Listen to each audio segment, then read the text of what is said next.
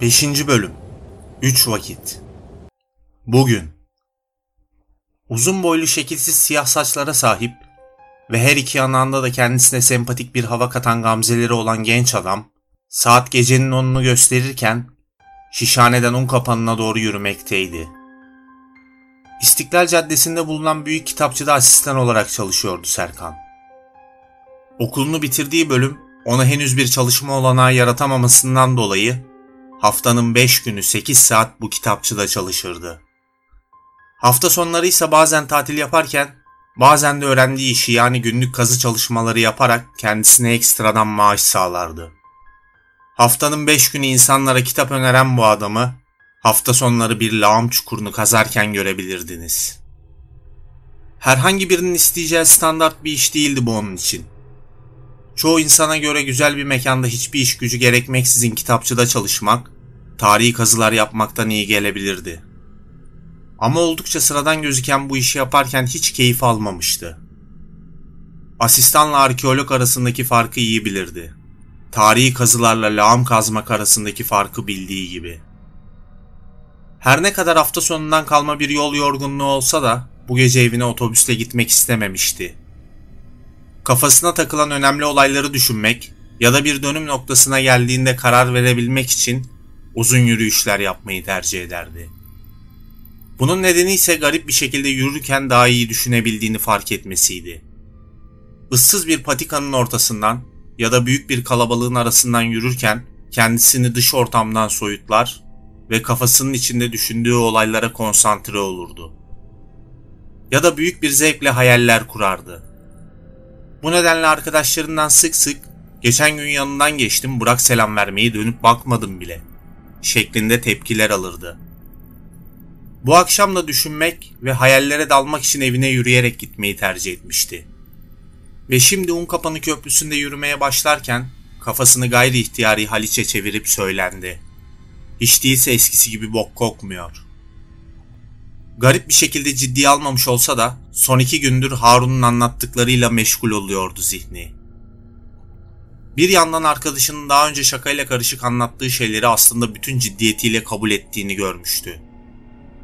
Delirmiş gibi diye fısıldadı. Çocukluk arkadaşının bu hale nasıl geldiğini düşününce ürperdi.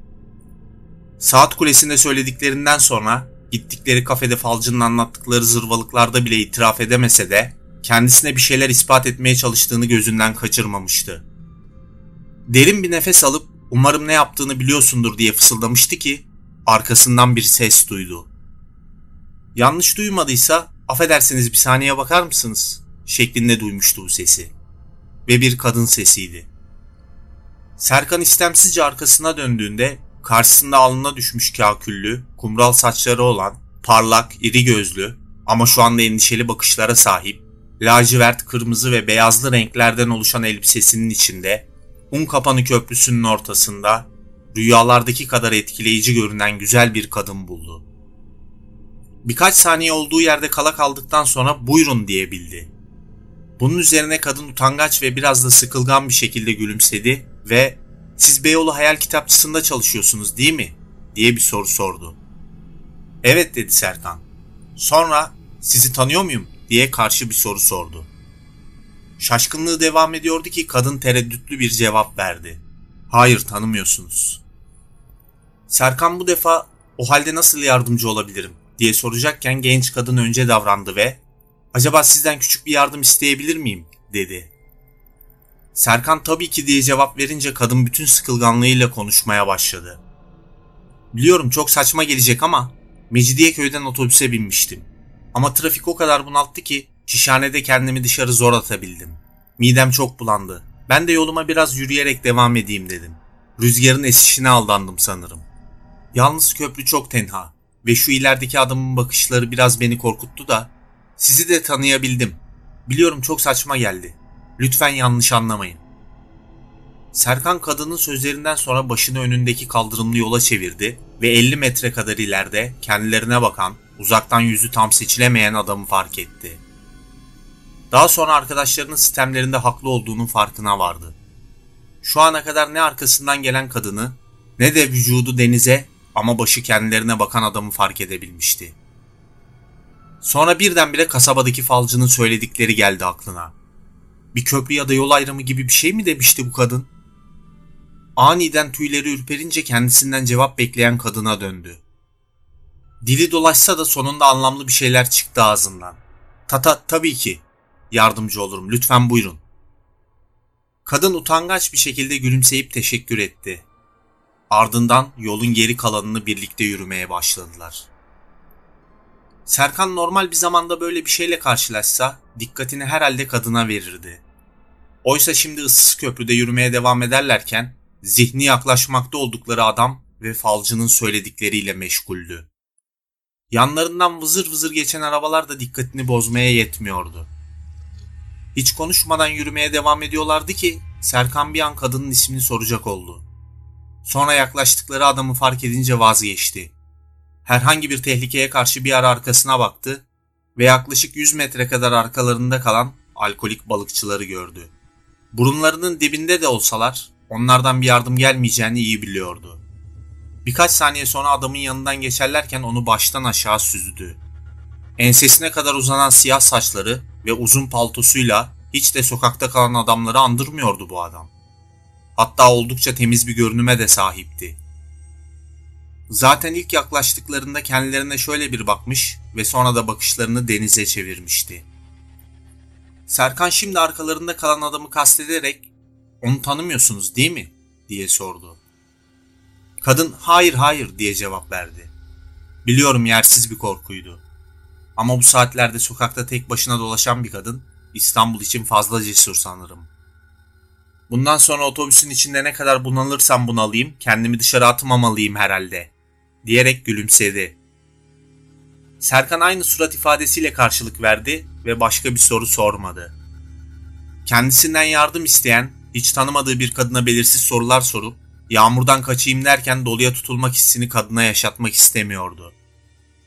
Ya da bir anlamda falcının söylediklerinin hiçbir anlamı olmadığına inanmak istediği için böyle bir karar almıştı. Zaten çok geçmeden köprü yolu bitti ve Serkan kadınla kendisinin farklı yollara gideceğini fark etti. Bundan sonra kendisi Unkapanı'na doğru devam ederken kadın Eyüp tarafına dönmüştü. Ama tabii öncesinde kadın Serkan'a dönüp sanırım artık şuradan otobüse binmem gerek deyip gülümsedi. Serkan bence de diye eklerken genç kadın samimi bir şekilde son defa yardımınız için çok teşekkür ederim dedi ve elini uzatıp az kalsın unutuyordum. Adım Gül diye konuştu. Serkan gülümseyerek rica ederim dedi. Sonra da memnun oldum ben de Serkan. Hafta içi bir gün kitapçıya gelirseniz tekrar görüşürüz diye cevap verdi. Son bir umarım cevabının ardından yollar ayrıldı. Serkan artık evine doğru yürümeye devam ederken çok farklı hisler içindeydi. Ne kadar belli etmemeye çalışsa da Gül'den etkilendiği gerçekti. Ama falcının sözleriyle bir şey olmasını da kabullenmek istemiyordu. Bir an bunları düşünüp gülümsedi. Ardından acaba burada telefonunu mu almam gerekiyordu diye söylenip kahkaha attı. Sonra da aptal bir falcının salladığı boktan bir tesadüf işte diye eklemişti ki arkasında acı bir ses duydu. İnanılmaz tizlikte çıkan ses sebebiyle bir anda yerinde sıçradı. Arkasını döndüğünde ise gözlerine inanamadı. Birkaç dakika önce yardım ettiği, köprüyü birlikte yürüdüğü ve henüz adının Gül olduğunu öğrendiği genç kadın hızla giden arabanın çarpmasıyla yere yuvarlanmıştı. Daha da korkuncu çarpan arabanın birkaç saniye duraksadıktan sonra hızla uzaklaşmasıydı. Serkan bir ara etrafına baktı. Kendisinden birkaç metre uzakta olan bir iki sokak serserisi dışında hiç kimse yoktu. Bir an panikle aman Allah'ım diye haykırdı. Anlık bir kararsızlığın ardından ne yapması gerektiğini düşünüyordu ki istemsizce annesinin ölüm anını hatırlayınca tereddüt etmeden genç kadının yanına koştu. Tüm olanlar saniyeler içinde olmuştu. Birkaç saniye sonra Gül'ün yanına geldiğinde az önce etrafına ışıltılar saçan yüzünün yer yer kızıla büründüğünü görüyordu. Kendisinden sonra gelen birkaç adam yanında ambulansı arayalım diye söylenirken kendisi de kadını ayıltmak için uğraşıyordu ki birden araya girip hayır durumu iyi değil dedi. Ambulansı bekleyemez taksi çağırın çabuk. Yaklaşık yarım dakika sonra bir taksi gelince Serkan kucağına aldığı kadını dikkatle arka koltuğa yerleştirdi. Kısa bir tereddüt geçirdikten sonra kendisi de taksiye bindi ve taksi hızla hastaneye doğru yol almaya başladı. Köprüde denizi izlerken bütün çıplaklığıyla kazayı gören adam gördüklerinden hiç etkilenmemiş gibi gözüküyordu. Taksinin kaza yerine gelip Serkan'ın Gül'ü hastaneye götürmesini gülümseyerek dikkatle izledi. Neden sonra kazanın olduğu yere kadar yürüyüp asfalt yolun üzerinde bulduğu tokayı cebine koydu ve kaldırımlı yolda yürüyerek gözden kayboldu. Hastanenin girişindeki kırmızı renkli büyük puntolarla acil yazan kapıdan Gül'ü geçirmesinin ardından bir saat geçmişti. Serkan bu arada polislere ifade vermiş ve ona çarpıp giden arabanın plakasını göremediğini söylemişti. İfadesi tamamlandıktan sonra kısa bir süre önce hastaneye ulaşan Gül'ün ailesine geçmiş olsun diledi. Daha sonra kızın durumunu sorduğunda rahatlatıcı bir cevap aldı. Doktorların söylediğine göre şu anda Gül'ün vücudunda oluşan kanama durdurulmuş ve hayati tehlike atlatılmıştı.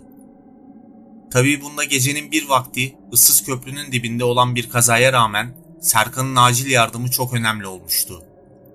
Gül onun sayesinde şu anda iyiydi. Yalnız iç kanama şüphesi nedeniyle birkaç gün müşahede altında tutulması gerekiyordu. Serkan şimdi hastanenin merdivenlerini ağır ağır inerken oldukça düşünceli bir halde falcı doğruyu söylüyordu diye mırıldandı. Annesini bir araba çarpması sonucu kaybetmesinin ardından böyle benzerlikteki bir olaya hiç bu kadar yakın olmamıştı. İki hafta sonra. İki hafta içinde yaşadıkları bambaşka biri yapmıştı artık onu. Un kapanı köprüsünde başına gelenlerden sonra gözleri elindeki gazeteye dalmış, dikkatle gözüne kestirdiği haberi okurken ''Abi!'' diye seslendi Sibel. Serkan ne var diye öylesine seslenince konuşmaya başladı. ''Ya yemeğini yesene, iki haftadır sende bir haller var ha. Yemek bile yemiyorsun. Bak senin iştahsızlığın yüzünden ben de yiyemiyorum.'' ''Ne alakası var lan? Ye işte yemeğini.'' dedi Serkan. Ya sen karşımda aç gibi yerken benim de karnım acıkıyordu. Şimdi böyle benim de iştahımı kaçırıyorsun. Hadi hadi var sende bir şeyler. Yoksa aşık filan mı oldun? diye takıldı. Aşktan meşkten daha önemli şeyler var Sibel. Hayatı dizi tadında yaşamayı bırak artık. Gazeteye bak dedi ve elinde tuttuğu gazeteyi Sibel'e uzattı. Ee ne olmuş diyerek isteksiz biçimde gazeteyi okumaya başladı Sibel. Serkan'ın bahsettiği haberi görünce aa dedi. Bu aşağıki parkta yaşayan adam değil mi bu? Lotoyu mu tutturmuş? Başıyla Sibel'i onayladı Serkan. Her sabah gazete almaya giderken muhabbet ettiği, çay ısmarladığı, giyinişine göre oldukça efendi ve kibar bir adamdı Arif. Serkan da haberi ilk okuyunca Sibel gibi şaşırmış, sonra da sevinmişti. Ama daha sonra aklına gelen birkaç ayrıntı tekrar iki hafta öncesine götürmüştü onu. Yaklaşık iki hafta öncesinde falcının söyledikleri gelmişti tekrar aklına. Kısa zaman önce birine yardım etmişsin. Yaptığın yardım onun hayatını değiştirmiş. İlk duyduğunda oldukça anlamsız gelen bu cümleyle kadının neyi kastettiğini çok iyi anlıyordu şimdi. Tıpkı diğer söyledikleri gibi. Evsiz Arif'in kazandığı lotoyu oynadığı günü artık çok iyi hatırlıyordu Serkan. Makinelerin kapanmasına dakikalar kala çoğu insan gibi o da sıraya girmişti o gün. Ama birkaç dakika sonra sıranın ilerlemediğini fark ettiğinde dükkan sahibinin Arif'in lotosunu oynatmadığını görmüştü. Zavallı adam sağdan soldan topladığı bir avuç kuruşu adama uzatıyor ama adam uzatılan parayı kabul etmiyordu bir türlü. Hele Arif'in gayet düzgün bir şekilde abicim ben de sana Türk parası veriyorum. Neden kabul etmiyorsun sorusu tekrar tekrar kulaklarında çınlıyordu şimdi. Bu yaşanılanlardan sonra dükkan sahibi anlayışsız adam oynatmıyorum lan zorla mı git istediğine şikayet et hadi git buradan diye bağırmış. Daha sonra Arif şansını denemek istediğini söyleyip adamdan son kez oynatmasını rica etmişti. Sırada bekleyenlerin de makinelerin kapanmasına dakikalar kala homurdanması üzerine adam bulunduğu yerden çıkıp Arif'i kovacakken Serkan arkalardan yetişip Arif'in elindeki kuruşları almış. Bu paranın yerine adamın istediği gibi bütün para vermiş ve olayı büyümeden önlemişti. İşte o gün yardım sayılabilecek bu küçücük müdahale Arif'in hayatını değiştirmiş ve onu milyoner yapmıştı. Serkan kahvaltı masasında bunları düşünürken vücudunun ansız ürpermelerine engel olamıyordu. Ama Sibel'in dediği gibi onu iki haftadır garip hallere sokan, duraklatan ve endişelendiren olay üç gün önce olmuştu. Harun'un hala kasabadan dönmediğini öğrendiğinde arkadaşını aramış ama bir cevap alamamıştı. Daha sonra ise ailesinden aldığı haberle Harun'un küçücük kasabada bir haftadır kayıp olduğunu öğrenmişti. Ailesinin kaybolmasıyla ilgili bilgisi olup olmadığını sorduğunda da ne diyeceğini şaşırmıştı. Bir yandan aklından geçeni yapmış olma olasılığına ihtimal vermiyor, bir yandan da yapmış olması halinde başına bir şey geldiğinden endişeleniyordu. Ama bununla ilgili ailesine hiçbir şey söylememişti Serkan. Son günlerde de arkadaşını düşündüğünü yapmamak konusunda ikna edemediği için pişmanlık duyuyordu. Bazen hiç ummasa bile arkadaşının sağ salim çıkıp geleceğini hayal ediyordu. Tabii ki bu kendisine söylediği bir yalandı. İki hafta önce onun ne kadar hevesli olduğunu, çıldırmış hallerini iyi hatırlıyordu. Küçük evlerinde üç yıldan beri sadece abi kardeş yaşamaktalardı. Babasını hiç tanımamıştı. Annesinin söylediğine göre Serkan 3 yaşındayken ölmüştü. Annesi de babası öldükten sonra hiç kimseyle evlenmemiş, 4 yıl öncesinde de bir çarşı pazarı günü araba çarpması sonucu ölmüştü. Annesinin öldüğü, Serkan'ın da okulunun bitmesine iki dönem kaldığı o yıl, Sibel Sakarya'da teyzesiyle birlikte yaşamıştı. Serkan'ın okulunu bitirip kitapçıda çalışmaya başlamasından sonra da iki odalı küçük evlerinde yaşamaya devam etmişlerdi. Serkan o zamanlarda çok sıkıntılı dönemlerden geçmiş ama başta kardeşi Sibel'in varlığı ve Harun'la birlikte diğer arkadaşlarının da yardımıyla zor dönemi atlatmıştı. 3 yıl önce Kocaeli Üniversitesi Arkeoloji bölümünü bitirmişti. Okuldan mezun olur olmaz hevesle kendisine bir dedektör almıştı. Kısa süre sonra da hayatın gerçeği bütün hevesini kaçırmıştı Serkan'ın. 4 yılda zorlukla bitirebildiği okulun diploması hayatına hiçbir şey katamıyordu bugün. Ama yine de içinde yanan heyecan tam anlamıyla sönmüş sayılmazdı. Haftanın son gününü kendisine tatil ilan ederdi.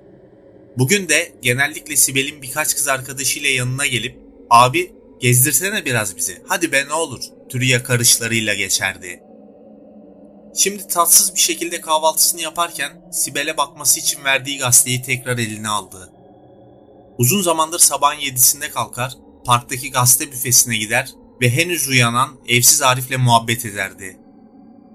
Aç karnına da olsa adamla birer sigara içer ve normal hayatta yapamadığı keyifli muhabbetini yapardı. Şimdi onun zengin olduğunu görünce ister istemez garip hissediyordu kendini. Haberi okuduğunda gülümseyerek bakalım bir teşekküre gelecek misin Arif abi diye söylendi. Sonra iki hafta önce köprü üzerinde tanıştığı kız geldi aklına. Acaba iyileşti mi diye düşündü bir süre. Fazla vakit geçirmemiş de olsa, hatta hayatının kötü bir anına eşlik etse de Gül'ü düşündüğünde bir garip hissediyordu kendini. Yüzünü hala unutamamıştı. Bir süre annesinin ölümüyle bir alakası olduğunu düşündü bu durumun. Sonra Sibel'in aşık mı oldun serzenişlerini hatırlayarak bir an için hoşlandığını itiraf etti kendine. Kahvaltısını kafasını meşgul eden bu olaylarla bitirirken bir yandan da Sibel'le birlikte masayı topladı ve banyoda sakal tıraşı olmaya gitti. Yaklaşık 10 dakika sonra banyonun kapısından çıkmış elini yüzünü siliyordu ki kapı çaldı. Sibel hemen koşup kapıyı açarken herhalde Sibel'in arkadaşlarından biridir diye düşündü. Aradan geçen saniyeler içinde Sibel'in seslenmesiyle kendine geldi.